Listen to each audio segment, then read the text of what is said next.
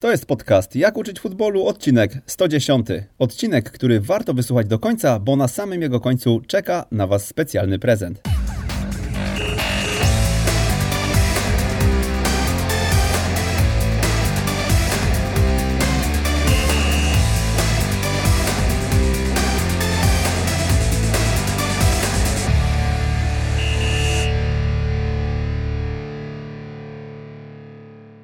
Jak uczyć futbolu? Odcinek 110.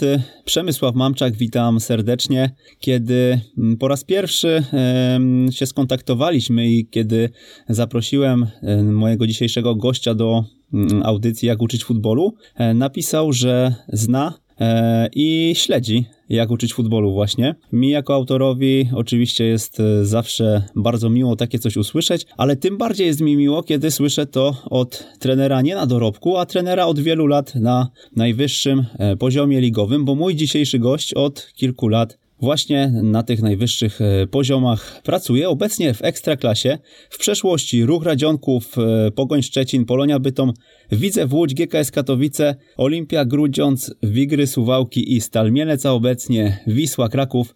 Artur Skowronek. Dzień dobry trenerze.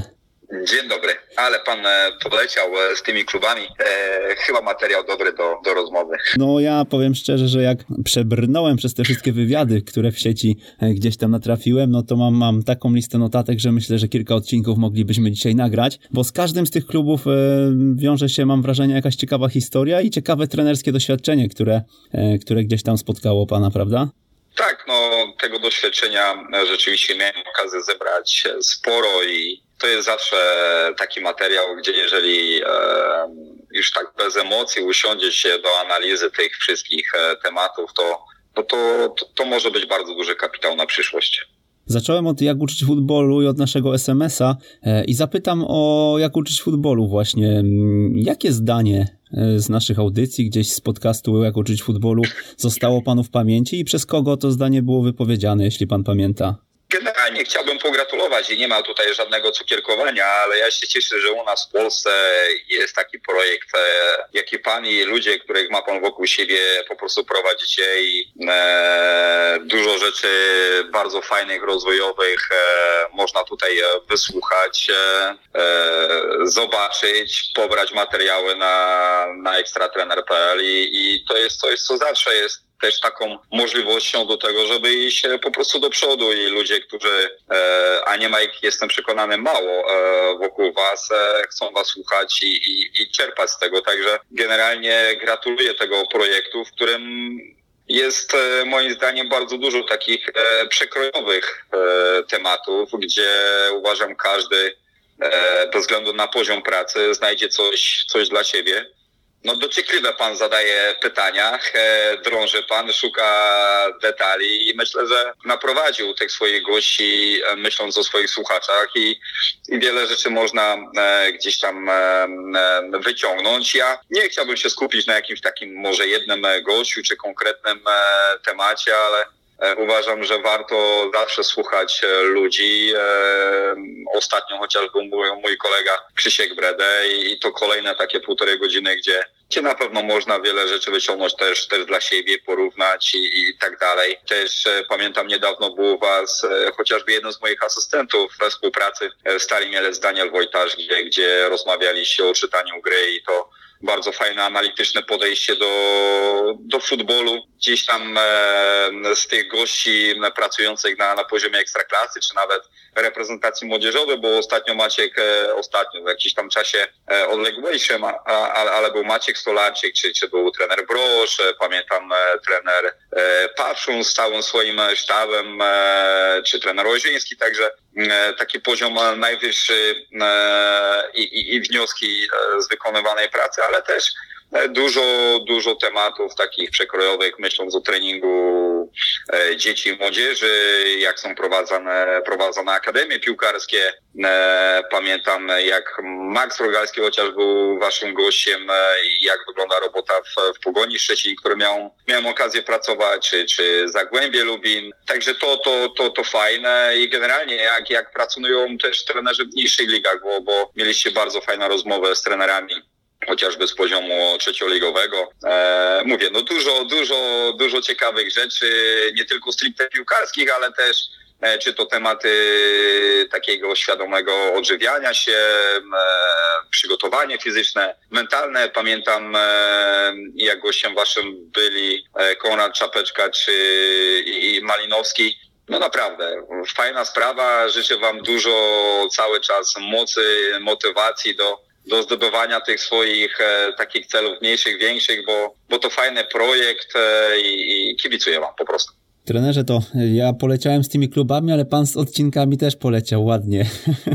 Mam czas podróży teraz tutaj do Myślenic codziennie i tego też spożytkować. E, dzisiaj są takie możliwości, że rzeczywiście czasami te 30 minut warto wykorzystać na to, a niekoniecznie tylko na, na radio, czy na przykład na naukę języka, także e, no warto szukać e, takiego efektywnego czasu, też chociażby podróży. Mhm. No ja odbiję piłeczkę i też dodam, że programu nie byłoby bez was i bez waszej otwartości, was trenerów, również tych, którzy na co dzień są bardzo zapracowani, bo wiemy, że grafik e, trenera ekstraklasowego no, jest nabity i często, często zaczyna się od wczesnych godzin porannych, a kończy na późnych godzinach wieczornych, ale mimo to zazwyczaj natrafiam na wielką otwartość i chęć dzielenia się tą wiedzą, e, więc taki fajnie, że tutaj nam się, fajnie, że nam się udało takie środowisko trenerskie tutaj wokół skupić e, i my również dziękujemy.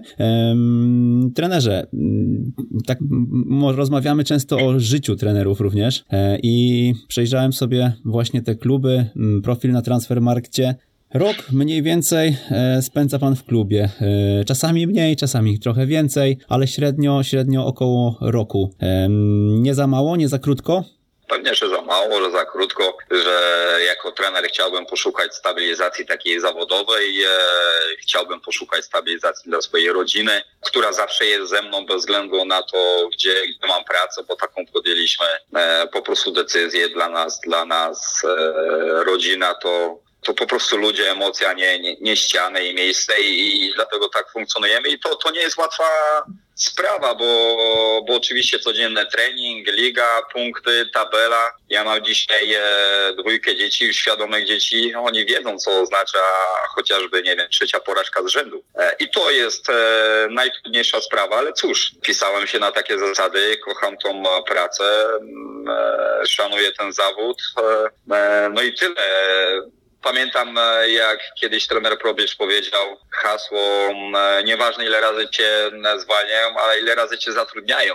I chyba myśląc o tym, jak pan taką regułkę na dzień dobry powiedział, to, to oczywiście można było odebrać na dwa fronty, e, ale jakby tak prześledzić tą moją drogę tak mocniej, dokładniej, to tak naprawdę tych dziewięciu moich wyzwań, e, to, to w trzech mnie tak naprawdę zwolniono. Ja myślę tutaj o, o Pogoni, o Katowicach i, i Grudziądzu, a, a resztę klubów to tak akurat ta droga się potoczyła, że czy to po Radzionkowie dostałem propozycję ze Szczecina, czy, czy po Polonie Bytom e, e, z Widzewie Łódź. Z Widzewa ja sam zrezygnowałem, pomimo tego, że miałem dwuletni kontrakt, bo jakby no oczywiście trener bierze odpowiedzialność po prostu za projekt i ja, ja w niego nie, nie wierzyłem akurat w tamtym e, czasie. Bardzo fajnie układała nam się praca w Suwałkach i e, chcieliśmy pracować dalej, współpracować dalej, ale, ale to trafiła się oferta Stali Mielec i e, chciałem iść po prostu jako trener też do, do przodu i, i, i Stala Mielec wykupiła mnie z Suwałki i myślę, że ta Stal Mielec to też tak niefortunnie się na koniec wszystko potoczyło, bo to, bo to też akurat związane było z ofertami z Ekstraklasy. Ja pytałem o to, zdaje się, trenera Bredę właśnie. Jak dobierać oferty e, z Pana perspektywy? No jest Pan doświadczoną osobą w tym zakresie. Tak e, i cieszę się, że dzisiaj tych meczów jest sporo na tym e, poziomie, bo to, to jest największa wartość, e, myślę, jeżeli, jeżeli chodzi o to, żeby iść, iść do przodu. Ciężko odpowiedzieć na to pytanie, tym bardziej teraz, w takich warunkach, w których my dzisiaj żyjemy. Wiemy, że jest kandydatów bardzo dużo. Dzisiaj mamy wielu trenerów z UEFA Pro. E, zapraszani są do pracy w naszym kraju też trenerzy zagraniczni. Po prostu jest kolokwialnie mówiąc trudno chleb codzienny dla nas. Dlatego czasami chociażby ja nie podejmowałem dobrych decyzji e, z tymi ofertami, a, a uważam, że bazą do do tego, żeby podjąć dobrą decyzję, no to, to, to na pewno jest potencjał klubu, to jest potencjał drużyny, jakość piłkarzy, ośrodek treningowy, e, możliwości transferów, generalnie profesjonalnych przygotowań, żeby mieć szansę na to, żeby obronić się wynikiem tak się zastanawiałem, e, bo tak jak mówię, kilka godzin w Pana towarzystwie już spędziłem kilka dni temu i mm, przez cały przekrój e, kariery jakby się prze, prze, przeniosłem w czasie e, i mm, uderzyło mnie mm, te, te, materiały z ostatniego roku, czyli przychodzi Pan do Wisły, zaczyna się dużo pozytywnych informacji e, wokół pana nazwiska pojawiać. Zaczyna się mm, dużo braw z każdej strony i tak naprawdę e, słyszymy, że robi pan dobrą robotę, wyciągnął pan Wisłę z kryzysu. E, nagle, mm, nagle ta Wisła się odmieniła, odwróciło się wszystko i udało się utrzymać w lidze. Natomiast y, kilka tygodni temu pojawiają się na trybunach już jakieś krzyki y, w stronę trenera Skowronka, już y, jakieś jakieś takie, takie negatywne e, znów e, sytuacje i zastanawiam się, czy tak z tej perspektywy nawet tego roku i tej sinusoidy, której pan doświadczył, e, nie było takiego momenta, momentu, że nie wiem, ta, ta trenerka trochę zaczęła denerwować, że mm, to wszystko jest takie trochę jednak płytkie.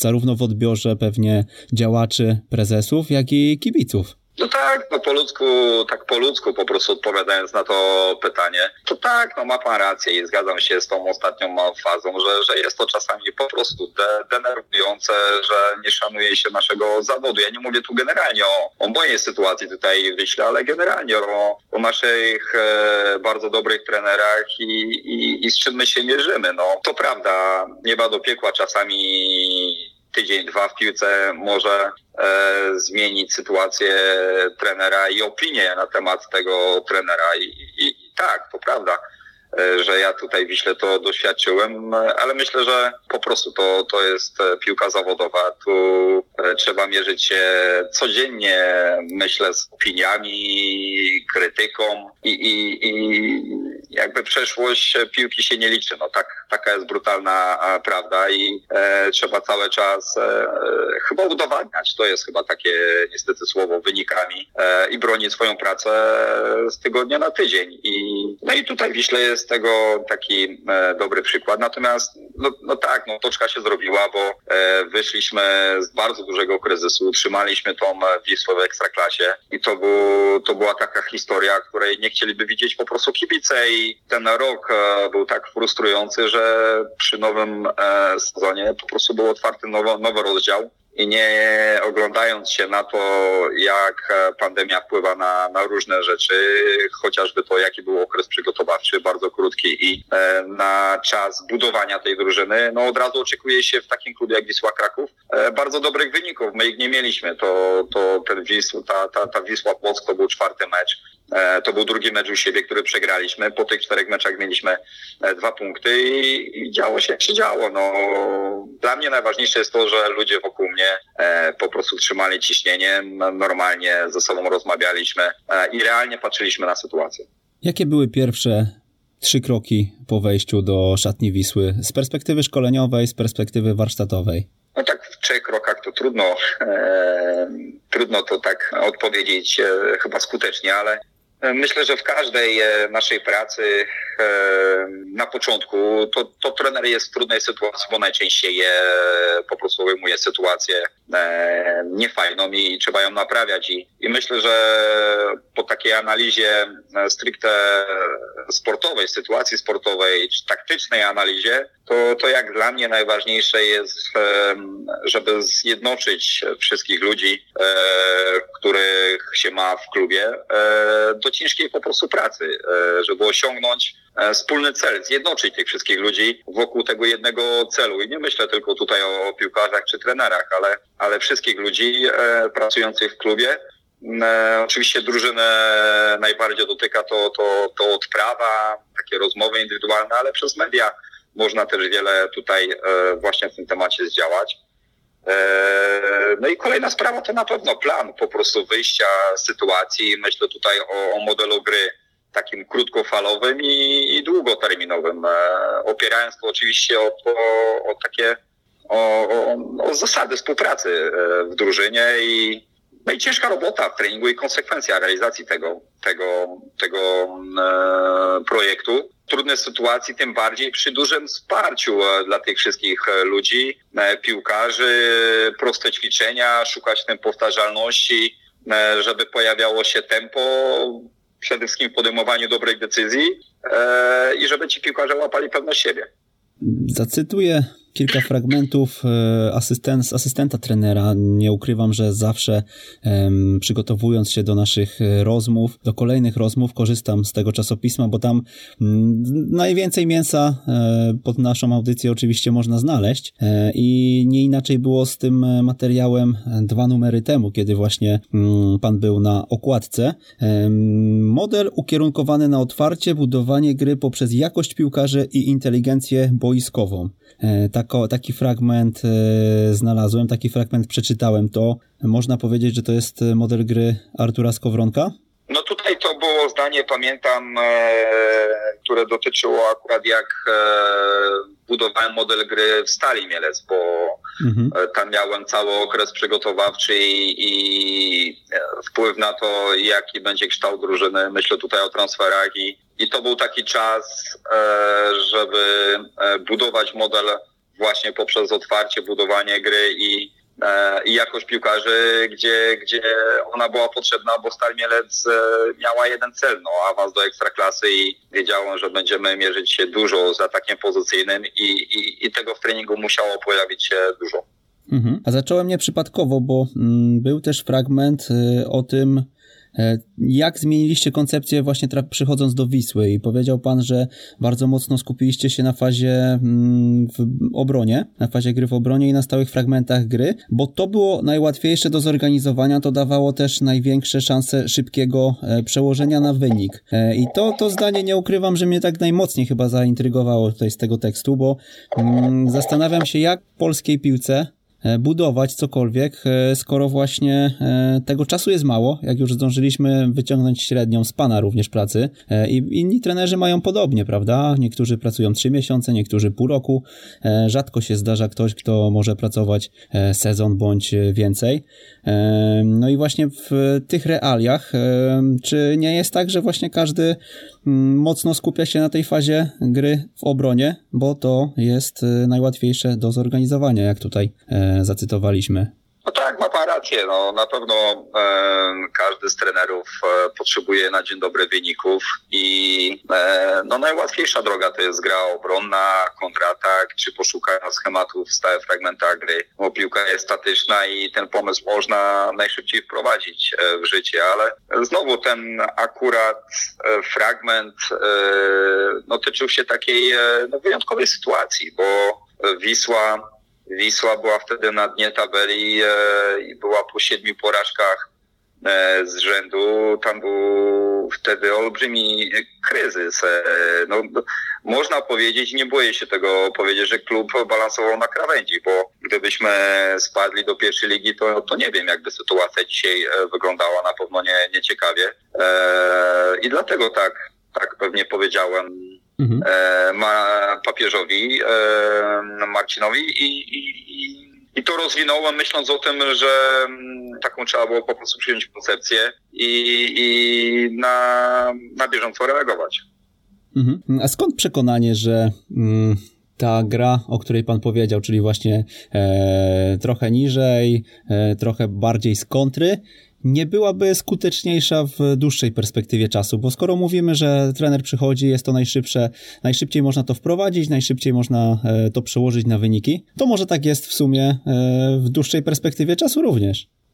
Ale tego nie należy się wstydzić, uważam. I Dzisiaj e, futbol robi się coraz bardziej bezpośredni. Najważniejsze są kluczowe rzeczy pod polem karnym i, i nie liczy się dzisiaj, e, zawsze tak było piękno i tak dalej, tylko e, po prostu to, co jest w sieci, jak do tego się dochodzi, to oczywiście potem jest kreatywność e, nasza wspólna trenerów i, i piłkarzy, ale rzeczywiście przejście z obrony do ataku jest naj, najłatwiejsze po prostu do wytrenowania i tego trzeba poszukać w trudnych sytuacjach, w których znajduje się drużyna, ale później mamy naprawdę trenerów, którzy chcą się rozwijać i nie inaczej jest piłkarzami i e, dzisiaj tego oczekuje piłkarz, żeby po prostu iść do przodu w tym codziennym treningu i dlatego trzeba poszukać rozwiązań ofensywnych. Mhm, a trener Skowronek zmienił swoje podejście do stylu gry przez lata pracy, bo tak e, jak sobie rozmawiamy teraz e, o tej bezpośredniej opcji, e, której, tak jak mówi trener, nie należy się wstydzić, to jednak ja mam wrażenie, że taką łatkę już przed kilkoma laty przypięto trenerowi, jako trenerowi, który chce grać ładnie w piłkę po prostu. No generalnie chciałbym to wszystko zbalansować, wypośrodkować i e, na pewno mój model gry to, to nie jest niska obrona i, i kontra. To jest część e, modelu gry, który chciałbym, e, żebyśmy z drużyną pokazywali e, w stylu naszego naszej pracy na boisku. Natomiast, no, tak jak powiedziałem, na pewno piłkarze chcą się rozwijać, ale ważne jest to, żeby po prostu to wszystko dopasować do profilu piłkarzy, których ma się dzisiaj w szatni myśląc o perspektywie czasu i moich doświadczeń, to, to na pewno to jest coś, od czego zaczynam. Wcześniej nie zawsze tak niestety było i, i, i najpierw był pomysł e, i wdrażanie go w życie, a nie odwrotnie. E, czyli analiza tego, jakich będę miał współpracowników i czy oni są w stanie to wykonać. No właśnie, to zdanie też padło e, w wywiadzie. E, wielu trenerów chce w każdym miejscu dopasowywać zespół pod własny, wymarzony styl gry. E, sam przechodziłem przez to w Pogoni Szczecin, dlatego straciłem pracę. Czyli trener również chciał ten swój gry za wszelką cenę, można powiedzieć, wdrażać, czy, czy jak właśnie te wspomnienia z Pogoni? No tak, no prawda jest taka, że przekombinowałem. I taka jest prawda. Za mocno uwierzyłem po tej dobrej rundzie pierwszej pogoni, e, że można iść dalej, a, a, tak naprawdę brakowało jeszcze automatów, co trenowaliśmy wcześniej. E, I myśląc, e, że się sparzyłem, e, no to e, po prostu zmieniłem system. Mhm. Chciałem pokazać, że, że można grać trójką z tyłu, a, a nawet chciałem grać 3-5-2 nie mając tak naprawdę e, trzech nominalnych środkowych obrońców, którzy dobrze by się w tym czuli. Przede wszystkim kontroli przestrzeni, ale też budowaniu gry, ale też finalizacji e, budowania tej gry myśląc o tym, żeby było dużo dośrodkowań e, na naszych napastników, a tak naprawdę tego w szatni nie miałem i tutaj brnąłem niepotrzebnie w ten temat. A ile czasu potrzeba Pana zdaniem, żeby móc zrobić to, e, co się chce właśnie z modelem gry i wdrożyć e, te zasady, które e, docelowo chcielibyśmy, żeby były realizowane na boisku? tak jak rozmawiamy, najczęściej trener przychodzi w trudnych sytuacjach i, i po prostu trzeba gasić pożar. To trzeba przetrwać, budować na tym przyszłość, a potem uważam, że to jest czas przede wszystkim okresu przygotowawczego i ruchów transferowych e, wzmacniających drużynę i po kolejnym pół roku e, kolejne okienko transferowe, które dałoby szansę na to, żeby wymieniać najsłabsze ogniwa w drużynie. I po takim czasie uważam, po takim okresie przygotowawczym, dwóch okienkach transferowych, to jest taki uczciwy czas dla trenera, że można powiedzieć, że, że po tym czasie odcisnął piętno na, na, na, na drużynie. Mhm. No właśnie, mówi Pan o tym okienku transferowym, o tych zmianach, e, to od razu mi się e, kojarzą dwa kluby, e, które, które tutaj przejmował Pan i które Pan prowadził. Stal Mielec i Wigry. Były takie rundy, w których jak sobie zerkam w notatki, 12 zawodników odeszło, a 15 przyszło w Stali i zdaje się, że w Wigrach odeszło 16, a przyszło 15 co się robi w takim momencie w zespole, bo tak się zastanawiam, to jest totalna rewolucja chyba i e, no, natrafiamy na zlepek po prostu osób, które e, nie miały wcześniej ze sobą do czynienia e, i budować trzeba od podstaw i wszystko chyba. Tak, to prawda. To, to były zupełnie inne zespoły, które zakończyły sezony poprzednie. To były rewolucje rzeczywiście ale były właśnie, czy to w Suwałkach, czy w Mielcu, okresy przygotowawcze, były okienka transferowe i uważam, e, że to jest normalne, że od tego trzeba zacząć. Natomiast no, kluczowa jest selekcja tych e, piłkarzy, żeby przy takim e, rewolucyjnym podejściu do, budu, do budowania drużyny niczego w tej drużynie nie zabrakło. I myślę tutaj o takiej równowadze jakości, e, potencjału motorycznego, doświadczenia, ale też głodnych ludzi sukcesu, młodych. I to, to chyba jest takie kluczowe, żeby nie zatraciła się równowaga na jedną, czy drugą, czy trzecią e, sprawę. E, no i, i znowu wracamy do tego, żeby zjednoczyć po prostu drużynę, zbudować drużynę, zbudować e, wspólny cel i, i codziennie na niego pracować, e, e, uświadamiać wszystkich ludzi, których ma się wokół siebie, że tylko drużynową pracą można osiągnąć cele indywidualne i nie ma szans żeby odwrócić e, tą drogę. No i potem, kiedy, kiedy e, jest ta drużyna już zbudowana, to, to, to wiadomo, że myśli się e, przy budowaniu o modelu gry. I, i, I już też o tym powiedzieliśmy, że trzeba go dopasować po prostu do możliwości specyfiki klubu, budżetu, właśnie, który wiąże się z transferami, żeby po prostu maksymalnie wykorzystać profil piłkarza, który masz w szatni. No na pewno przygotowanie mhm. fizyczne to, to, to, to jest też coś, co w takim momencie jest, jest kluczowe i, i, i im szybciej zbuduje się tą drużynę przeciągu tych pięciu, sześciu tygodni, tym lepiej, bo chodzi o to, żeby po prostu w czasie sezonu e, nie było to rozchwiane, że każdy z nich był na innym poziomie i dzięki temu drużyna no, nie działa dobrze. To zatrzymajmy się może tutaj na chwilę, takie, bo mamy tutaj takie case study, które, nad którym warto się, mam wrażenie, pochylić.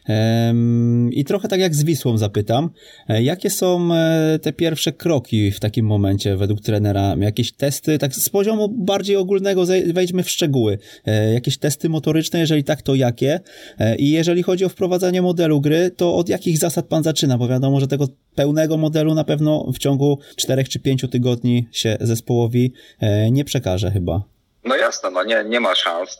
Jeżeli e, chodzi o, o, o te pierwsze momenty, to oczywiście testy motoryczne już są w momencie scoutingu, to już jest e, gdzieś tam rozmowa w środowisku, znamy się z trenerami i te potencjały takie subiektywne oceny można, można po, pociągnąć. Obiektywne wejdzie się wtedy, kiedy piłkarz przyjeżdża i przychodzi cały kompleks badań medycznych, jak wygląda sytuacja e, z prewencją kontuzji i jak wygląda aspekt e, szybkości i wytrzymałości. I tutaj oczywiście standardowe testy po wprowadzeniu 30-metrowy e, odcinek z odczytem też oczywiście informacji na 5-10 metrach i test wytrzymałości, ale to też wiąże się no, ze specyfiką możliwości klubu, bo Wiśle mamy okazję e, badać piłkarzy e, przy współpracy z AWF-em w Krakowie e, z całą ergospirometrią i tutaj już potencjał jest cały oceniony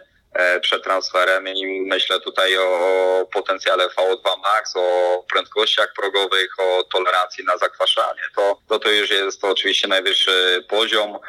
Wcześniej badamy czas reakcji, zanim wejdzie piłkarz na bieżnię i korelujemy to E, z czasem reakcji po takim e, teście. Oczywiście ogólna analiza składu ciała, jak wygląda waga i oczywiście tkanka tłuszczowa, to coś, co powinno być tak naprawdę mm, e, bazą w każdym profesjonalnym klubie, ale czasami tak po prostu nie jest i chociażby myśląc o wytrzymałości, współpracując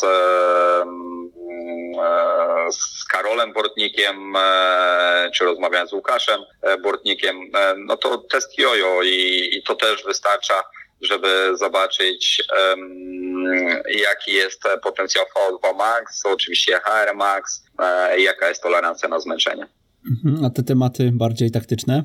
No to oczywiście e, mówimy o ogólnym, e, grupowym zachowaniu się drużyny i tutaj e, trzeba podjąć decyzję, e, w jakim systemie chcemy bronić, atakować i to też nigdy nie jest takie same. Myśląc chociażby o Wiśle e, Kraków, to wiedząc o tym, e, brakuje tutaj takiego typowego defensywnego pomocnika. E, no można było z jednej ósemki zrobić takiego zawodnika, który trzymał równowagę i wejść ewentualnie w układ 1-4-1-4-1 i, i to e, rozwijaliśmy przechodząc nawet do systemu w obronie 1-5-4-1 właśnie mówiąc o ruchu w pionie tego defensywnego pomocnika, bo czasami mecze e, zamykaliśmy i byliśmy w tym skuteczni, a teraz kiedy tego czasu mamy trochę więcej, e, zmodyfikowałem to, wiedząc o tym, że właśnie nie ma dalej tego defensywnego pomocnika. Przeszliśmy na układ 1-4-3-3 i płasko bronimy tymi ósemkami, dużo pracy w pionie poziomie po to, żeby uruchomić ten potencjał ofensywny, który mamy tutaj z przodu. Ja myślę tutaj nie tylko o napastniku, ale oczywiście Kuba Waszykowski, Jawie Boła, Savic, Carlos, E, to piłkarze, którzy dobrze czują się w tym układzie 1-4-3-3 i mam nadzieję będziemy go rozwijać i, i być tym skutecznym, czyli jak bronimy nisko, jak wysoko i jak zespół chce reagować, oczywiście po odbiorze i postacie piłki. Eee, I to są takie zawsze cztery wyjściowe sprawy, które na dzień dobry e, jako całość pewnie każdy z trenerów sobie e, buduje i potem rozwija już e, formacje i konkretne zasady gry E, w ataku, w obronie. Myślę o otwarciu, budowaniu gry w każdej ze stref, e, zasadach finalizacji e, i tak dalej, i tak dalej. Mhm. A jeśli mm, jesteśmy przy obronie e, i znowu wracając do materiału z asystenta trenera, tam sześć stron, sześć stron środków treningowych, e, które zastosowaliście, żeby ta gra w obronie nie kulała ciągle, bo, e, bo gdzieś tam po przyjściu zdefiniował pan ten problem jako właśnie fazę defensywną. No i tak się zastanawiam, bo tam były same mm, fragmenty gier, tylko w ten sposób pracowaliście na przykład nad asekuracją, czy, czy, czy jakie formy tutaj um, trener Skowronek preferuje? W bardzo dużym procencie, powiedziałbym e, w 80-90% tak e, pracowaliśmy. Pracowaliśmy, mhm. bo to nie jest tak, że coś było złe wcześniej. Po prostu chciałem pracować inaczej i w tym krótkim takim celu do zimy, no zbudować skuteczność w grze obronnej i poprzez fragmenty gry uważam, że w treningu najłatwiej e, sprowokować współpracę piłkarzy w podejmowaniu decyzji. W schemacie oczywiście można zaproponować, wizualizować e, i my tak robiliśmy ale to najczęściej wyglądało tak, że rozruch po prostu był jeszcze nagrywany, e, jak zresztą wszystkie e, treningi i była już taka kompleksowa wizualizacja pod przeciwnika, jak chcemy jako całość się zachowywać i wtedy wykorzystywałem tam zgrupowania przedmeczowe i z formacjami, czyli normalnie z piłkarzami rozmawiałem, żeby być pewny, że jako całość wiemy, E, że nie wiem, stanie o trzeciej nad ranem i wiemy, co chcemy robić w niskiej obronie czy wysokiej. I, i, no, i na tym e, przesuwaniu wtedy można się opierać, ale tak generalnie to, to, to wiemy, na poziomie ekstraklasy to już w ogóle jest bardzo mało czasu na podjęcie decyzji i zależało mi na tym, żeby w pionie i w poziomie te reakcje były szybkie. Czyli w momencie, kiedy jakiś błąd e, dostrzegał pan, zatrzymywał pan grę, tłumaczył, coachował, tak? W taki, w taki sposób? Tak, tak, ale to przede wszystkim przy fragmentach. E, wtedy, kiedy jeszcze rozbiliśmy to na formacje ofensywne czy defensywne. Ja dużo opracowałem akurat z defensywnymi formacjami, a trener Szulczek e, z ofensywą. I potem to sklejaliśmy w całość, też we fragmenty gry, gdzie ofensywni robili swoje, a defensywni właśnie pod to mieli podejmować dobre decyzje. I w tych fragmentach gry to częściej urywałem. Tak, pokazywałem, żeby dotknąć tej sytuacji, porozmawiać E, z piłkarzami, z formacją defensywną o tym. Ale jak już były gry, to też intensywności chciałem poszukać i już takich przerw w tych całościowych grach e, zadaniowych nie było. A gdybyśmy spróbowali odtworzyć jakiś, nie wiem, jeden błąd, który zauważył pan przychodząc do Wisły i już skupiając się ciągle na tej fazie defensywy, na asekuracji e, i w jaki sposób on został poprawiony. E, czyli mam tu na myśli, no, no możemy nawet odtworzyć, nie wiem, e, miejsce na boisku, e, gdzie to się mhm. działo i, i, i, nie wiem, współpracę między kim a kim, jeżeli byśmy sobie to byli w stanie e, zobrazować. Oczywiście najwięcej bramek pada ze światła bramki, z okolicy pola karnego, ale te serce obrony, e, właśnie te światło bramki, e, no mieliśmy e, pootwierane. I mhm. mam tutaj na myśli współpracę środkowego obrońców z bramkarzem i z defensywnym pomocnikiem, z pozycją otwartą, ukierunkowaniem się tej pozycji otwartej na piłkę przeciwnika, który łapie plecy, to, to, to, to były rzeczy, które najbardziej e, chciałem, żeby e, piłkarze świadomie złapali i, i nie wiem, e, najczęściej problemy Wisła miała w fazie przejściowej i z decyzją, kto ma wejść do asekuracji bocznego sektora, a kto zamknąć światło bramki. I tutaj myślę o tym, że nie ma skrzydłowego, to pierwszy asekuruje boczny obrońca. Obydwaj poszli ofensywnie, to podejmuje decyzję o wyjściu ze światła, ze środka, z centrum boiska defensywny pomocnik, dopiero ostatni środkowy obrońca. Ale to nie, to nie jest zasada, bo oczywiście zasadą był dystans do piłki i między nimi e, później była decyzja. Jeżeli środkowy obrońca ma większą szansę i krótszy dystans do podjęcia decyzji, żeby wyjść ze światła bramki i zaasekurować boczny sektor, no to od razu robiła się asekuracja oczywiście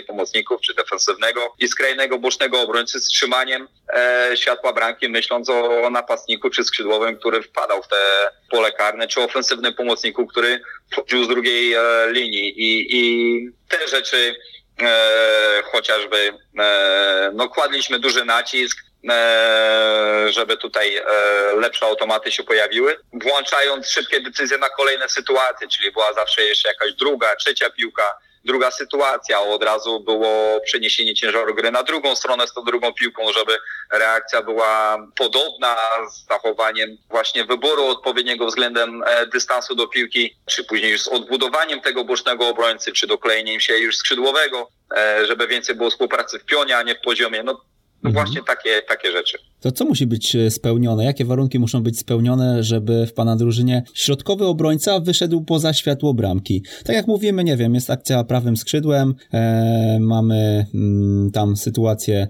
e, 2 na 1 przez moment, bo nasz lewy obrońca e, poszedł za akcją i, e, i teraz co? E, ja jako półlewy środkowy obrońca mogę wyjść, e, wejść w tą strefę i go zaasekurować, e, czy, czy muszę mm, na przykład, nie wiem, e, być w jakiejś odległości od defensywnego pomocnika, żeby mieć pewność, że on właśnie zabiegnie za mnie? Jak to wygląda? No właśnie, i to, to jest piękne, to jest właśnie podejmowanie decyzji i w treningu możemy to sprowokować.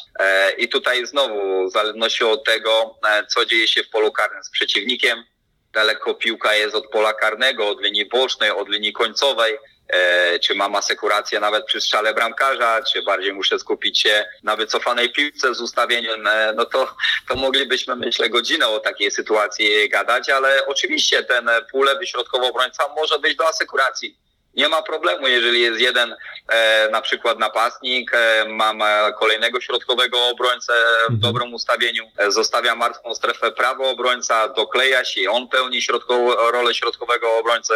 Jeszcze mam przed sobą, e, nie wiem, odbudowującego kolejnego środkowego pomocnika, to, to jasne, jak najbardziej. E, no kwestia timingu właśnie tej decyzji, który zawsze powiązany jest z czasem i przestrzenią. A zapytam jeszcze o pana warsztat i to, jak budował pan e, taką piłkarską świadomość i taką pewność co do tego, e, co by pan chciał widzieć w zachowaniach swoich piłkarzy, bo e, no dzisiaj mówimy sobie o takich szczegółowych właśnie sytuacjach, ale tak jak udało nam się to szybko podkreślić, zmiennych jest tyle, że bardzo łatwo jest, bardzo łatwo myślę mm, spojrzeć na jedną sytuację, a w drugiej troszkę sobie zaprzeczyć.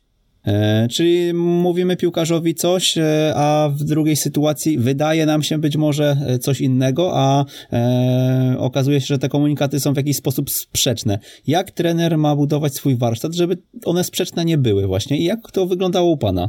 No myślę, że doprowadzi do sytuacji, żeby było jak najmniej sprzecznych tych informacji. Myślę, że rozmawiać z piłkarzami, też od nich się uczyć.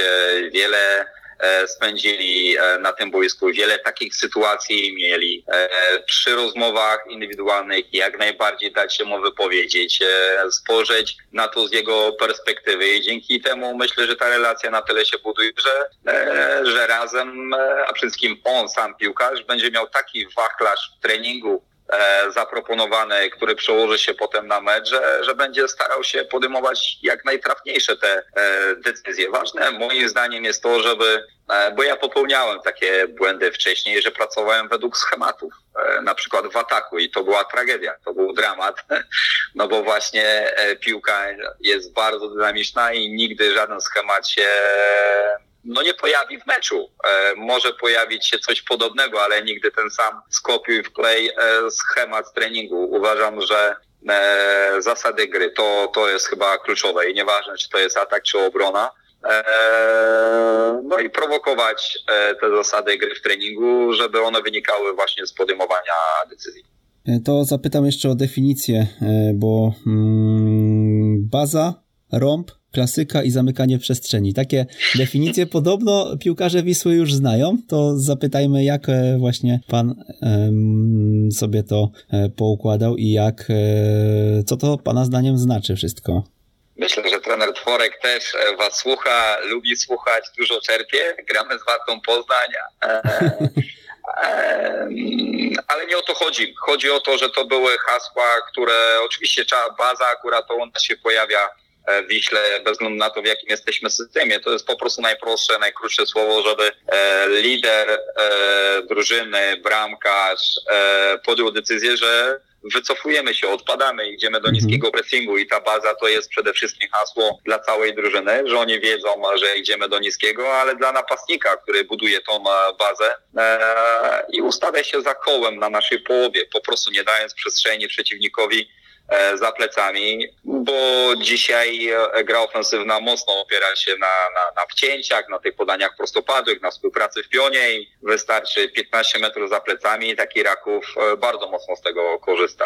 I baza to jest szansa na to, żeby tej przestrzeni po prostu nie dać przeciwnikowi. W tej bazie komunikaty e, rąb czy, czy klasyka E, no to też zależało mi po prostu na krótkich e, wyrazach, e, czy to obcokrajowiec, czy Polak, wie o co chodzi i to odnosiło się do tego, jak buduje grę przeciwnik. Jeżeli ustawiał się klasycznie, dla nas to znaczyło, że nie robi po prostu przewagi, na przykład ze środkowym pomocnikiem i myślę tutaj schodząc do boku między na przykład półprawym środkowym obrońcą, a prawym e, obrońcą, e, czy wchodzący pomiędzy środkowych obrońców. Po prostu zamykaliśmy e, szóstkę i stopera, myśląc o współpracy 9-10. A, a rąb to piłkarze wiedzieli, że grając układem 1-4-1-4-1, to defensywny pomocnik z dwoma dziesiątkami, z dziewiątką budują ten rąb i skrzydła odpadają, za bocznymi obrońcami, a dziesiątki pracują zamykając właśnie tą przewagę wchodzącego wyżej w budowaniu gry środkowego obrońcy, bo ma asekurację szóstkę pomiędzy, albo robi to szóstka, e, która schodzi właśnie e, do półprzestrzeni z prawej czy z lewej strony. I wtedy, wtedy, wtedy to były komunikaty, które miały pomagać drużynie, żeby dobrze organizować się E, w niskiej obronie, a zamykanie przestrzeni to oczywiście chodziło o to, żebyśmy w strefie pracowali i tą przestrzeń zamykali i zostawiać martwą strefę, ale wszystkim chodziło o zamykanie środka i e, wypychanie przeciwnika do boku. Mhm, no to już znamy pełen słowniczek e, krakowskiej szatni. Mamy kilka pytań od naszych słuchaczy e, i ja tak sobie postaram się przez nie mm, szybciutko teraz przeskoczyć. E, Michał Błoński w grupie Jak uczyć futbolu pyta w jaki sposób planuje trener dany mikrocykl. Czy jeśli jest on wcześniej zaplanowany, mm, odpowiednio zaplanowany, a w danym meczu coś nie zagrało, to czy trener go modyfikuje i czym się kierować w planowaniu takiego mikrocyklu w okresie startowym? No najważniejszy jest kalendarz. To bez względu na, na poziom pracy zawsze tak e, każdy z nas trenerów działa i pozycją wyjściową ma, są mecze ligowe i, i, i budowanie wtedy e, krótkiego mikrocyklu standardowego czy wydłużonego. E, jeżeli e, mamy standardowy mikrocykl, czyli mecze sobota-sobota, no to to już w zależności od koncepcji trenera e, zależy to, jak sobie ten czas wykorzystasz, w którym e, momencie mezocyklu też jesteś, miesięcznym czy półrocznym. E, myślę tutaj o przygotowaniu fizycznym. Jak chcesz ten czas zagospodarować? Myślę, że też skala trudności przeciwnika determinuje budowanie mikrocyklu i skupienie się na, na większym czy mniejszym wymiarze czasowym na, na swoim modelu gry, bo, bo bo akurat u mnie często jest tak, że ten przeciwnik też determinuje e, w mikrocyklu fragmenty gry, żeby piłkarze czuli się komfortowo podczas meczu. Jeżeli coś nie wychodzi, to, to oczywiście trzeba na bieżąco wprowadzać korekty. E, myślę, że bazą e, wszystkiego jest przygotowanie fizyczne i od tego ja przynajmniej zawsze zaczynam.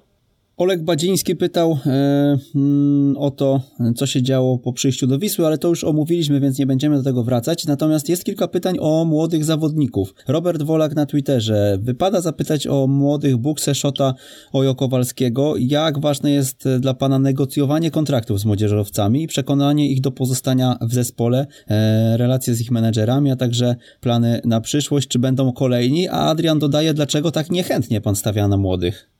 No tu akurat z tym tak mocno bym się nie zgodził, że nie, nie stawiam na młodych. E, na mnie też postawiono, jestem dalej młodym trenerem, mam nadzieję mm, dalej będę mógł e, w tym zawodzie długo pracować. Ktoś kiedyś na mnie postawił, e, będąc młodym, nie wahał się i i we mnie to bardziej zostało, dlatego młodym, którzy chcą iść do przodu, chcą napierać, a przede wszystkim bronią się umiejętnościami, e, zawsze otworzę drzwi, nie, nie ma żadnego problemu. E, I tak, I tak było w Radzionkowie.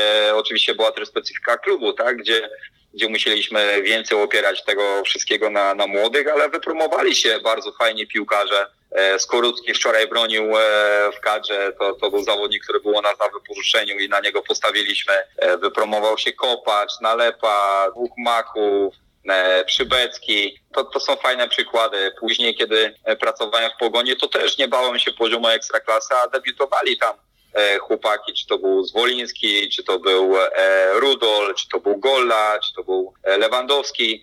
E, no bo oni po prostu się bronili, e, zapracowali na tą szansę, żeby się pokazać na ten poziomie ekstraklasy. Tutaj Wiśle Oczywiście przepis młodzieżowca wiele też determinuje, ale, ale wywalczył sobie Patryk Plewka poprzez swoją pracę, e, miejsce w składzie i, i, i, nie muszą się martwić, bo, bo drugi młodzieżowiec też gra i myślę tu o Dawidzie e, Szocie. Oczywiście walczą o swoje ojo, walczą o swoje Buksa, jest Gruszkowski, e, jest z nami Duda z Celiotki. Mamy sparring z Rakowem, chłopaki dostaną szansę, walczcie. I, no i tak zawsze to będzie u mnie wyglądało. Oczywiście ważny jest plan na tych chłopaków i, i, i tutaj chociażby w Wiśle mamy takie miesięczne plany z minutami gry dla tych chłopaków, którzy mogą jeszcze grać w Celiotce i, i jest zbudowany taki miesięczny plan z kalendarzem pierwszej drużyny Celiotki i staramy się to wszystko tak układać, żeby rozwijali się przede wszystkim przez grę ci ludzie, e, ale czasami tak e, po prostu się nie da i najważniejszy jest pierwszy zespół, myślę i dla klubu i dla nich. Jest to oczywiście powiązane z rozmowami z menadżerami, e, przekonując ich właśnie do tego planu, rodziców, tak, to są bardzo ważne rzeczy i, i, i, staramy się je przypilnować. A jeszcze Lech Pecuro dodaje, jakie są trenera zdaniem trzy problemy młodych piłkarzy przechodząc z młodzieżowej do seniorskiej piłki, tak w temacie młodzieżowców pozostając? No myślę na pewno przeskok e, z intensywnością, z reżimem taktycznym to, to jest pierwsza sprawa. E, myślę, że często jest to też powiązane ze świadomością. E, cieszę się, że świadomość tych młodych ludzi jest naprawdę, naprawdę coraz e, większa i wiedzą, że potrzebny jest po prostu czas, żeby zbudować się fizycznie, żeby właśnie podejmować w krótkim czasie bardzo dobre decyzje, bo w innym wypadku po prostu jest duża szkoda dla drużyny i ci ludzie to rozumieją i, i często ta cierpliwość się pojawia, ale czasami zdarza się tak, że kluczowa sprawa, to tej cierpliwości po prostu brakuje. Czy to u tego piłkarza, z czego bierze się przez e, nakładane ciśnienie, przez menadżera, czasami niestety rodziców, e, przez co ten sam chłopak sam sobie na siebie zakłada kilka kilogramów e, tej presji zupełnie niepotrzebnie na siebie i, i chyba to, bo, bo po prostu są czasami jak maszyny zaprogramowani na sukces.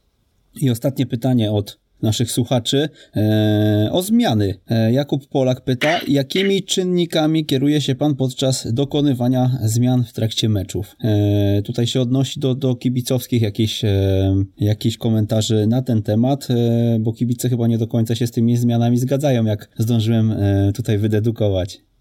Ale tu musielibyśmy pogadać o jakimś konkretnym przykładzie, bo, bo tak na sucho to, to trudno wyjaśnić takiemu czytelnikowi, czy E, kibicowi e, sytuacji, jeżeli już jej e, potrzebuje, żeby wytłumaczyć. No tak, no, no, jesteśmy podani krytyce również z reagowaniem podczas meczu, ale te informacje mamy bieżące i, te zmiany czasami biorą się z tego, że wiemy, kto jest w jakim momencie treningu, ktoś może po prostu jest, no niestety gra na lekach przeciwbólowych, e, nie ryzykujemy z większą ilością czasu, Oczywiście taktyka, wynik e, też determinuje tę zmianę, forma w tygodniu, no to, to nie, od, nie odkrywam tu żadnej e, dziwnej e, sprawy, ale, ale tak, tak właśnie jest. E, I e, oczywiście trener, jak piłkarze, inni ludzie podejmują decyzje, które czasami są błędne i, i po meczu e, czasami tak jest, bo zawsze żona analizuje te, te swoje decyzje e, najpierw u siebie i, i czasami podejmowałem inne decyzje, ale mam bardzo dobrych fachowców wokół siebie, którzy też mają analityczne, ale analityczne spojrzenie na, na sytuację i staramy się robić wszystko, żeby pomóc zawsze zmianami drużynie. No dobrze, mamy, e, mamy tą Wisłę, e, być może jeszcze wrócimy, ale tą Wisłę myślę, że mamy dosyć e, e obszernie już e, omówioną, ale cofniemy się o kilka lat e, wstecz, bo Pan jako 30-latek wskoczył, wskoczył do ekstraklasy, prawda? Dla wielu trenerów to marzenie, E, dla wielu trenerów e, taki wiek to, e, to coś, co pewnie byłoby, byłoby momentem spełnienia i tego, do czego dążą. Jak to się stało, że na 30-letniego Artura Skowronka postawiono i zawierzono pomimo wieku, że sobie poradzi na tym poziomie? Nie wiem, chyba trzeba by było zadzwonić, myślę, do przede wszystkim prezesa Mroczka, który wraz z prezesem wtedy jeszcze wspólnym e, podjęli bardzo taką ryzykowną z perspektywy czasu decyzję, bo w wieku 30 lat e, debiutowałem na ławce, miałem kilku starszych od siebie piłkarzy w szatni, którzy wiele już widzieli i doświadczyli, a jednak e, zaufali. No, no naprawdę ciężko mi powiedzieć. Ja e, rozmawiałem przed podpisaniem e, umowy w Szczecinie dwukrotnie i te dwie rozmowy były bardzo długie. Tam chyba przefiltrowano mnie mocno i, i nie wiem, i zaufano. No, była propozycja współpracy z tym zespołem, był przekazany, no właśnie, model model gry, jak chcę wykorzystać tych piłkarzy po, po awansie do ekstraklasy e, i na czym budować e, po prostu wynik. I no, tak te rozmowy się potoczyły, że mi zaufano, za co bardzo, bardzo dziękuję, bo rzeczywiście to, to było marzenie e, każdego, jest marzenie każdego z trenerów, po to się pracuje, po to tą pasję codziennie się rozwija, żeby pracować na najwyższym poziomie w Polsce, mi się to udało w wieku 30 lat, także e, no miałem olbrzymie szczęście. To zapytam inaczej, ale nie może być skromnie, od razu zaznaczę. Czym wyróżniał się młody trener Skowronek? Panie Przemku, jak mam odpowiedzieć na to pytanie? Nie wiem. No wymienić, nie wymienić wiem. swoje mocne strony po prostu. Ja cieszę się, że do tej pory i, i będę robił wszystko, żeby nigdy to nie znikło, czyli pasja. E, mam sobie naprawdę dużo motywacji do tego, żeby e, coś osiągnąć. E, nie udało mi się zrobić kariery piłkarskiej i chcę to wszystko przelewać dzisiaj na pracę w trenerce.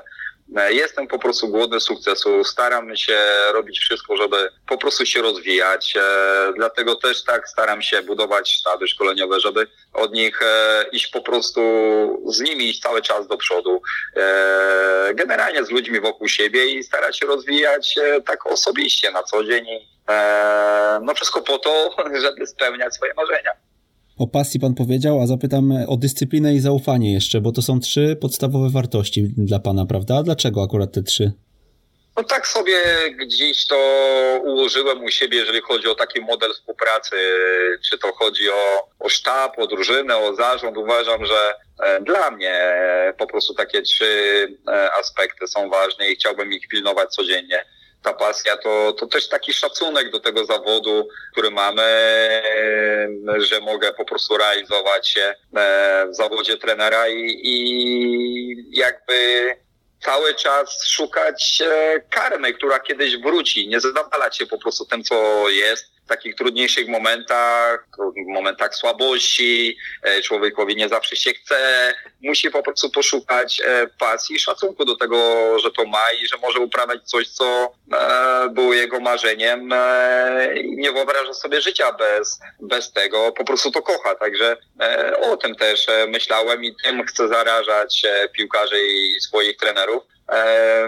No a nie rozwinie się tej pasji, nie zrobi się e, marzeń, jeżeli nie będzie dyscypliny. Po prostu w robocie takiej e, zespołowej musimy się trzymać e, pewnych zasad, które sobie ustalamy, jak ta dyscyplina ma funkcjonować i co mam na myśli, jeżeli chodzi o dyscyplinę właśnie życia szatni czy, czy treningu, nie wiem, odżywiania, bo uważam, że zawsze top, top tych rzeczy poziom top tych rzeczy jest, jest po prostu szansą na to, żeby, e, żeby, żeby iść po sukces. No. A zaufanie, no, bez tego zaufania to, to raz nie ma, nie ma kontraktu, nie ma relacji z trenerami, z, e, z piłkarzami, e, no to, no to jak myśleć o tym, żeby na przykład, nie wiem, wdrożyć model współpracy dla sztabu czy dla, dla drużyny. Także, także o tym myślałem. A to zaufanie było u trenera gdzieś kiedyś nadwyrężone? Nie wiem, czy może z, z perspektywy osób, które pana zatrudniały może, a może kogoś ze sztabu? To zdarzało się niestety, no ja jestem już 15 lat w zawodzie, bardzo młodym trenerem, ale już 15 lat, 10 lat na poziomie centralnym i zdarzały się sytuacje, że niestety zabrakło gdzieś tam e, no, takiej chyba lojalności, można powiedzieć w jednym wyrazie po prostu w piłce. Sportśląski.pl, tutaj wywiad rzeka e, natrafiłem z trenerem. Wywiad, e, w którym padło bardzo, bardzo wiele ciekawych słów, e, również o takich realiach życia trenerskiego. Takie wywiady, no ja akurat najbardziej lubię na takie trafiać, kiedy się przygotowuję do tych naszych rozmów. I zacytuję sobie tutaj fragment. U każdego człowieka następuje w życiu taki moment, w którym trochę odlatuje i musi spaść na ziemię. Dlaczego 30-letni trener Skowronek odleciał? Po udanej e, rundzie w Szczecinie. Już o tym mówiliśmy, o tych zmianach systemu, prawda? Ale, ale, ale w jaki sposób pan odleciał? No pokory po prostu zabrak. Pokory zabrak tym, że e, spowodowało, że odleciałem, że można szybko szukać zmian, że poczułem się zapewne siebie, a byliśmy e, Beniaminkiem i tej pokory jako Beniaminkowi, e, czy to drużynie, czy mi samemu trenerowi, który debiutował e, w Ekstraklasie, e, po prostu zabrakło i tak jak rozmawialiśmy, no po prostu z, przekombinowałem. Przekombinowałem e, i, i niepotrzebnie chciałem e, udowadniać to, że się nadaje, że mogę rozwijać, że, że można pokazywać coś więcej. Właśnie chociażby mówiąc o graniu e, systemie trójką środkowych obrońców, nie przeanalizowałem bardzo dokładnie sytuacji, a podejmowałem decyzję.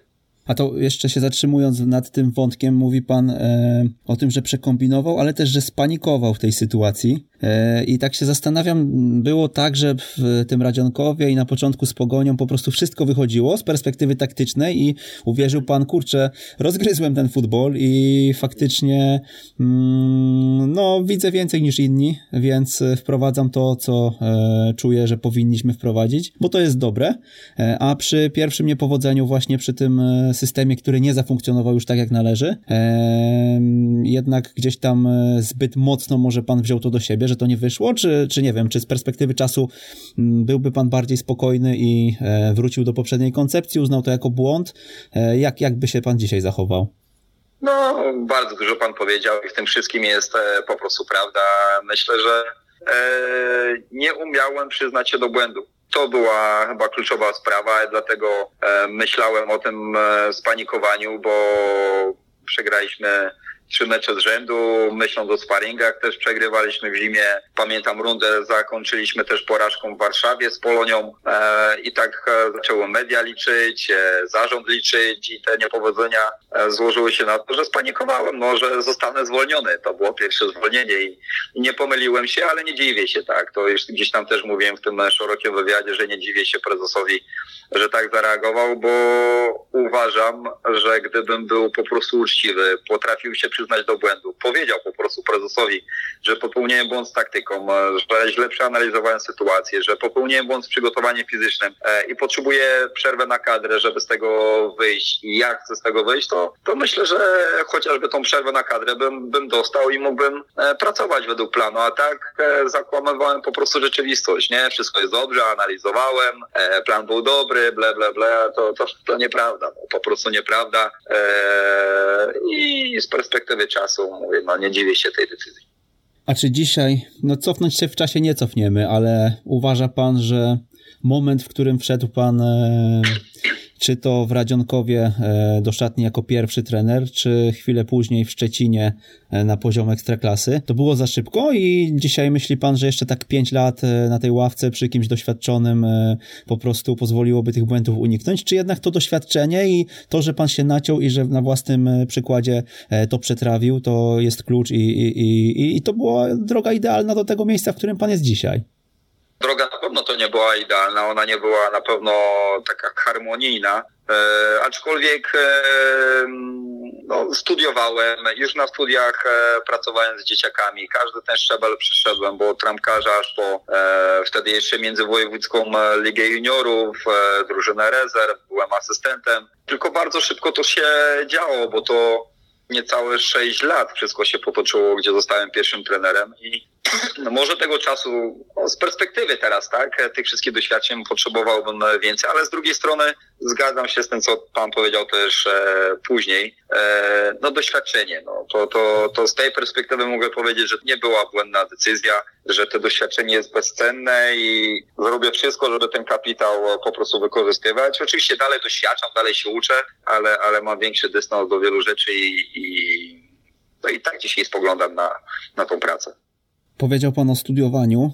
Ja pamiętam jakiś czas temu e, ktoś e, powiedział mi o tym, e, o tym, że na WF-ie Katowice w ostatnich latach było dwóch takich trenerów, po których było widać, że po prostu no, muszą, muszą trafić na ten najwyższy poziom i było widać, nie chciałbym tu przekręcić jakoś słów, ale, ale takie szaleństwo po prostu szkoleniowe, trenerskie.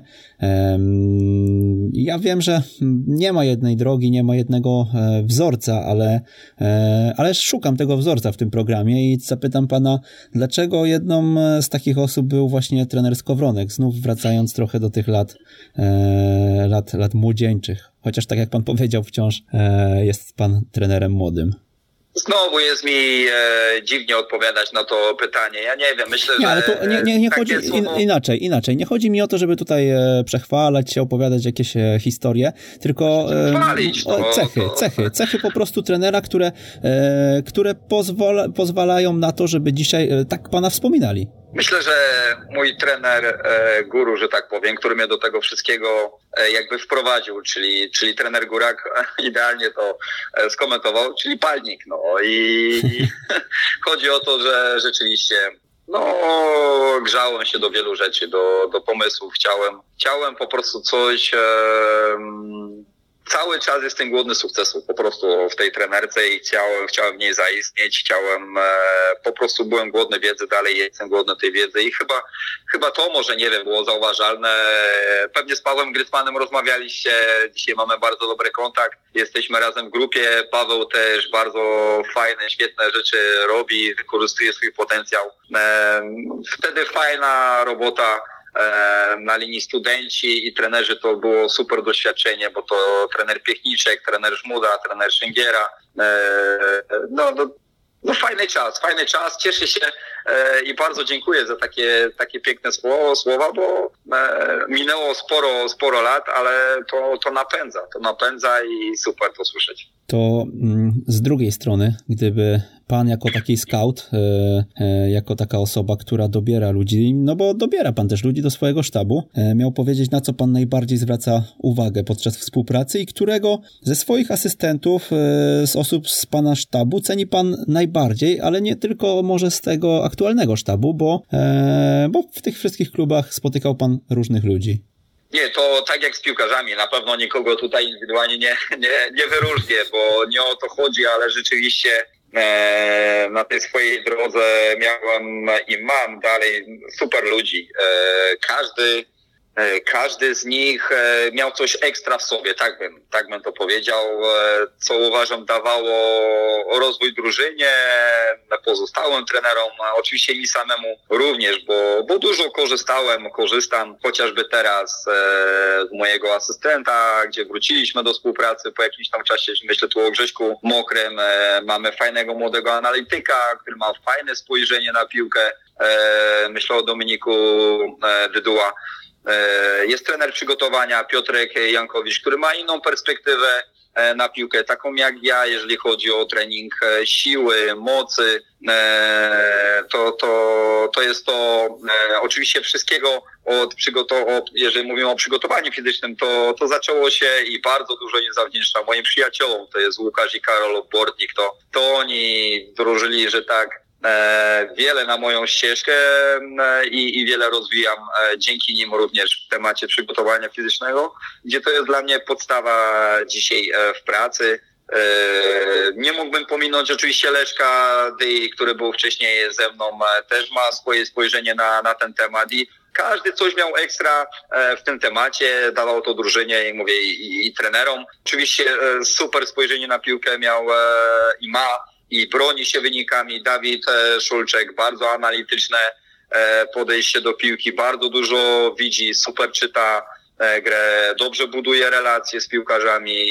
Daniel Wojtasz był u was e, i sam pokazał, jak, jakie fajne spojrzenie ma na piłkę. W Suwałkach też rzeczywiście mnie byli stamtąd e, i zawsze staram się tak budować tak, żeby byli ludzie też od środka z klubu. W Pogoni miałem Sławka Rafałowicza, który był odpowiedzialny za analizę dzisiaj super współpracuje z Darkiem Adamczuku, jeżeli chodzi o scouting, bo po prostu ma oko do, do piłki, do piłkarzy, także każdy z nich był mocny w swojej dziedzinie. E, pewnie wielu pominąłem, przepraszam za to, ale każdy z nich e, wiedziałem, że da coś, e, e, te 5% więcej, żeby po prostu drużyna mogła osiągnąć sukces i z tej perspektywy zawsze buduję e, sztab.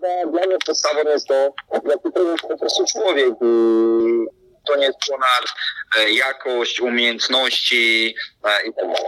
To z nieba do piekła, bo myśląc o pracy trenera. Często młodzi trenerzy szczególnie mają przed oczami mm, to, to wyjście na mecz, te, tych kibiców wokół, e, tą ekstraklasę, tą otoczkę, e, przywitanie z drugim trenerem, konferencje prasowe, coś, co nakręca nas jako trenerów do tego, żeby dążyć do, do szczytu, ale trener to też ciemna strona życia i ciemne strony tych momentów, kiedy trener nie ma pracy, kiedy trener musi się zmagać właśnie z tym, że musi czekać po prostu i uzbroić się w tą cierpliwość i tak naprawdę naprawdę żadnej e, logicznej, racjonalnej, życiowej decyzji w tym czasie podjąć nie może. Pan w wywiadzie dla Weszło wspominał, że nie pogodził się z rolą tego, który dba o dom, kiedy, kiedy małżonka szła do pracy. Jak pan to wspomina i czy były takie momenty zwątpienia? Bo no, u pana e, te, te, te szybkie wejście do ekstraklasy pewnie też spowodowało, że, e, no, że pozytywnie pan patrzył na ten zawód, bo szybko pana dostrzeżono, prawda? Natomiast e, tak się zastanawiam, czy były takie, takie stany, żeby, żeby powiedzieć, nie wiem, kurczę, chyba trzeba to rzucić, bo to, to, jest, e, to jest coś, co, e, co po prostu momentami mnie aż przeraża.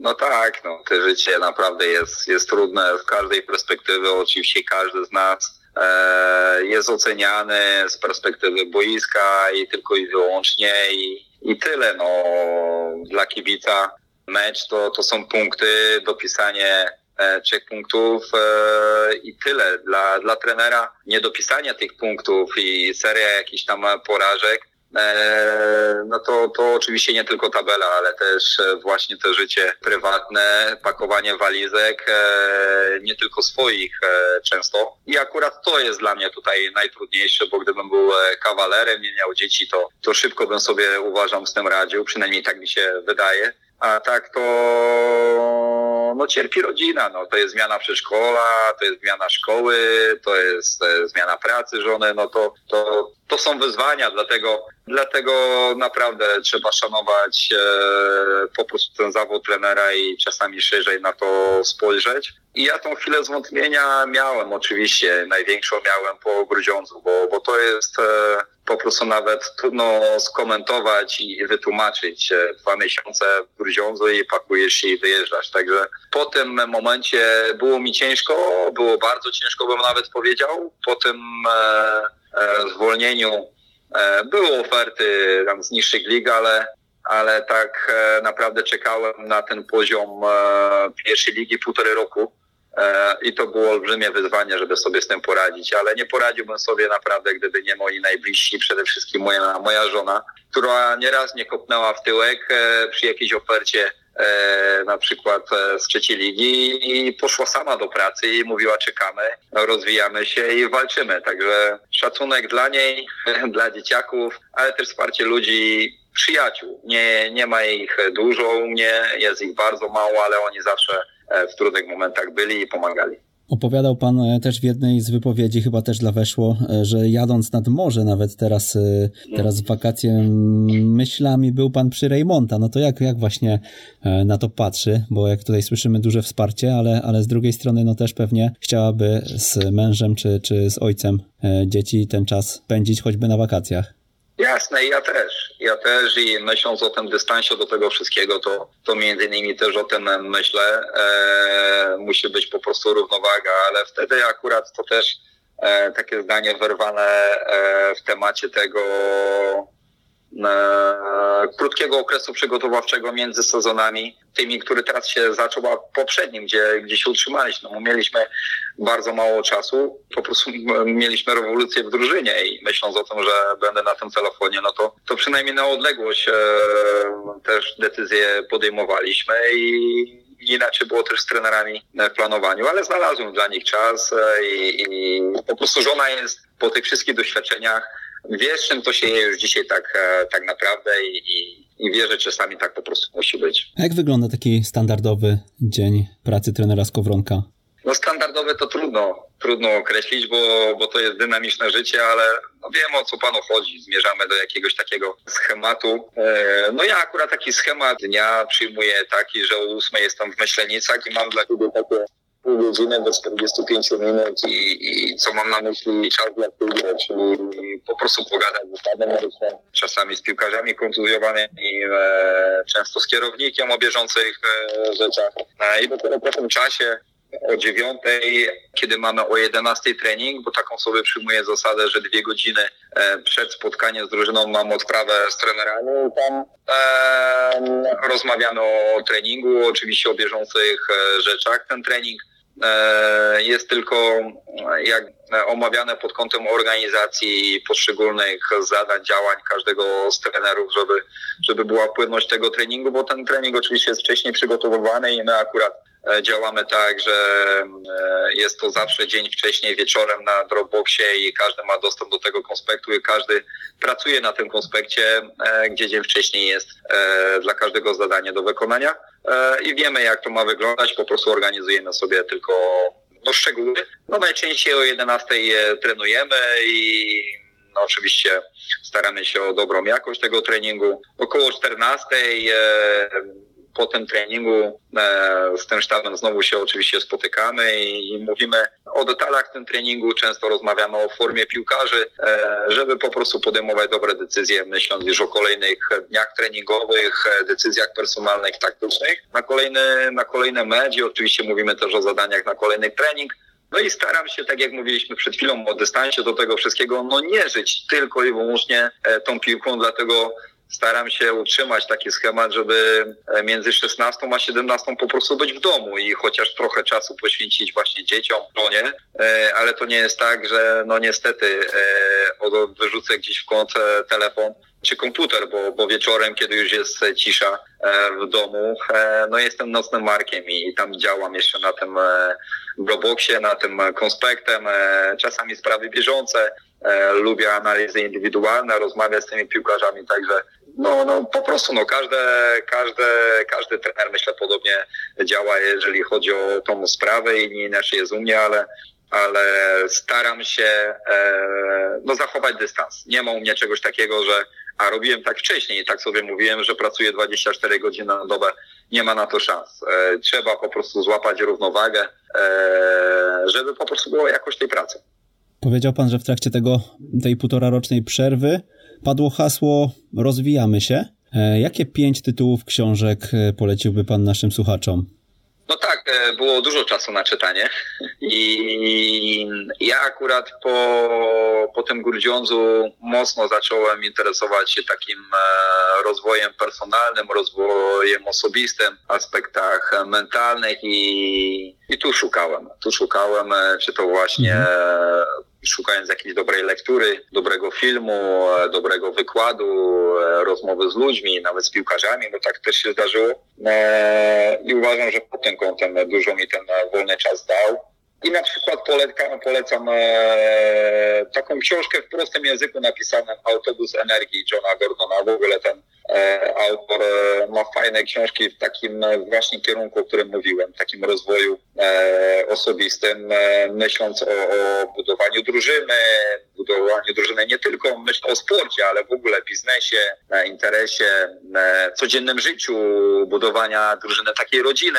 To, to fajna sprawa, w fajnym języku napisana książka, e, i, i, polecam e, nie tylko trenerom. E, on napisał, ten John Gordon, też fajną książkę Mecz wygrywa się w szatni gdzie tam e, rozmawiali na temat e, no, życia szatni. Tutaj myślę przede wszystkim o Michael Smithie, który był też e, trenerem drużyny futbolu amerykańskiego i fajna rozmowa, wyciąganie wniosków, myśląc e, właśnie o decyzjach lidera, o, tak, tak bym to, to nazwał. E, I w tym kierunku te dwie książki polecam. Polecam poza schematem też w tym e, kierunku fajna książka, poza schematem Sekrety ludzi sukcesu. Gladwell, e, Malcolm Gladwell e, autorem, gdzie opisuje autor, jakby analizuje życie ludzi e, sukcesu, rozmawia z nimi, wyciąga, wyciąga detale z ich życia wcześniejszego, dzieciństwa, pochodzenia, z jakich rodzin wychodzą,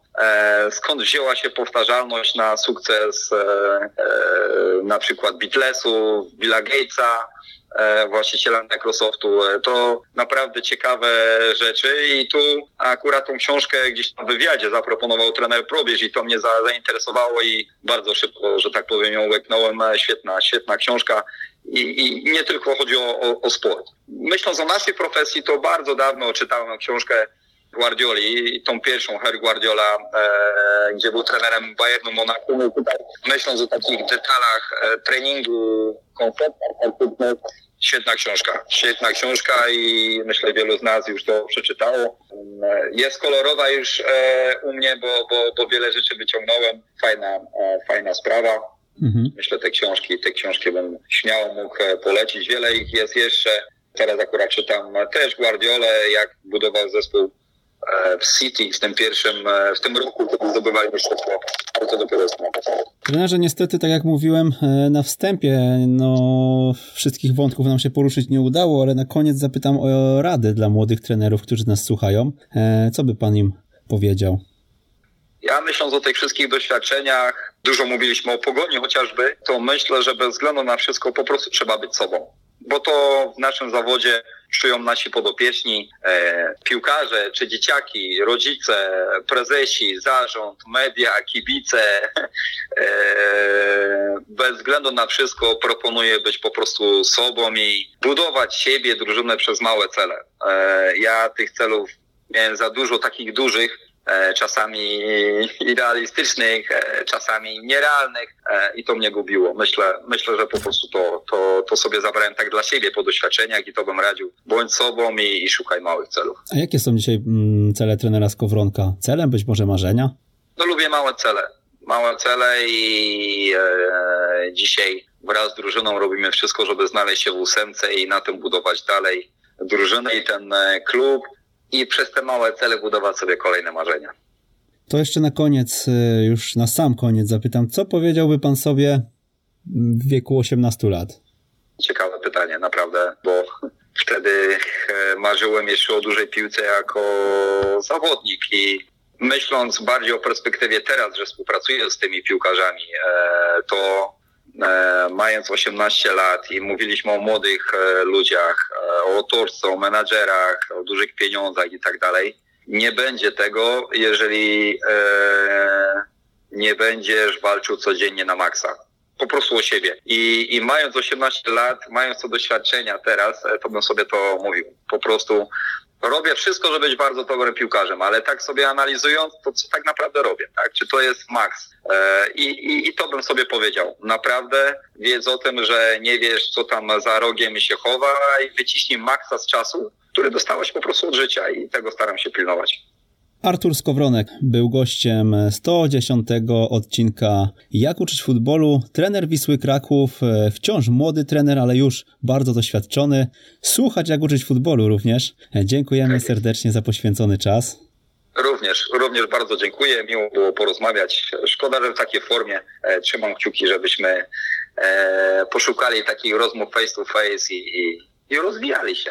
Pozdrawiam wszystkich. I tego życzymy e, również wszystkim słuchaczom. Mm, Przemysław Mamczak, do usłyszenia za tydzień o tej samej porze. Na samym początku tego odcinka obiecaliśmy Wam specjalny prezent, a specjalny jest on dlatego, że nie został przygotowany przez naszego gościa, a przez nas, a konkretnie przeze mnie, bo prezentem jest e, moja praca dyplomowa mm, z kursu UEFA w Katowicach, który ukończyłem na początku listopada tego roku a która liczy 92 strony i stara się odpowiedzieć na pytanie, czy Polacy mają określone predyspozycje do gry w piłkę nożną. Jeżeli zamierzacie się tego dowiedzieć, jeżeli jesteście zainteresowani, do jakich źródeł i informacji dotarłem, e, zapraszamy do zapisu na nasz newsletter. Osoby, które jeszcze tego nie zrobiły, e, przekierowujemy na ekstratrener.pl ukośnik newsletter, a ci, którzy są na naszej liście, e, otrzymają bezpośredni link do pracy już w najbliższą niedzielę. Do usłyszenia.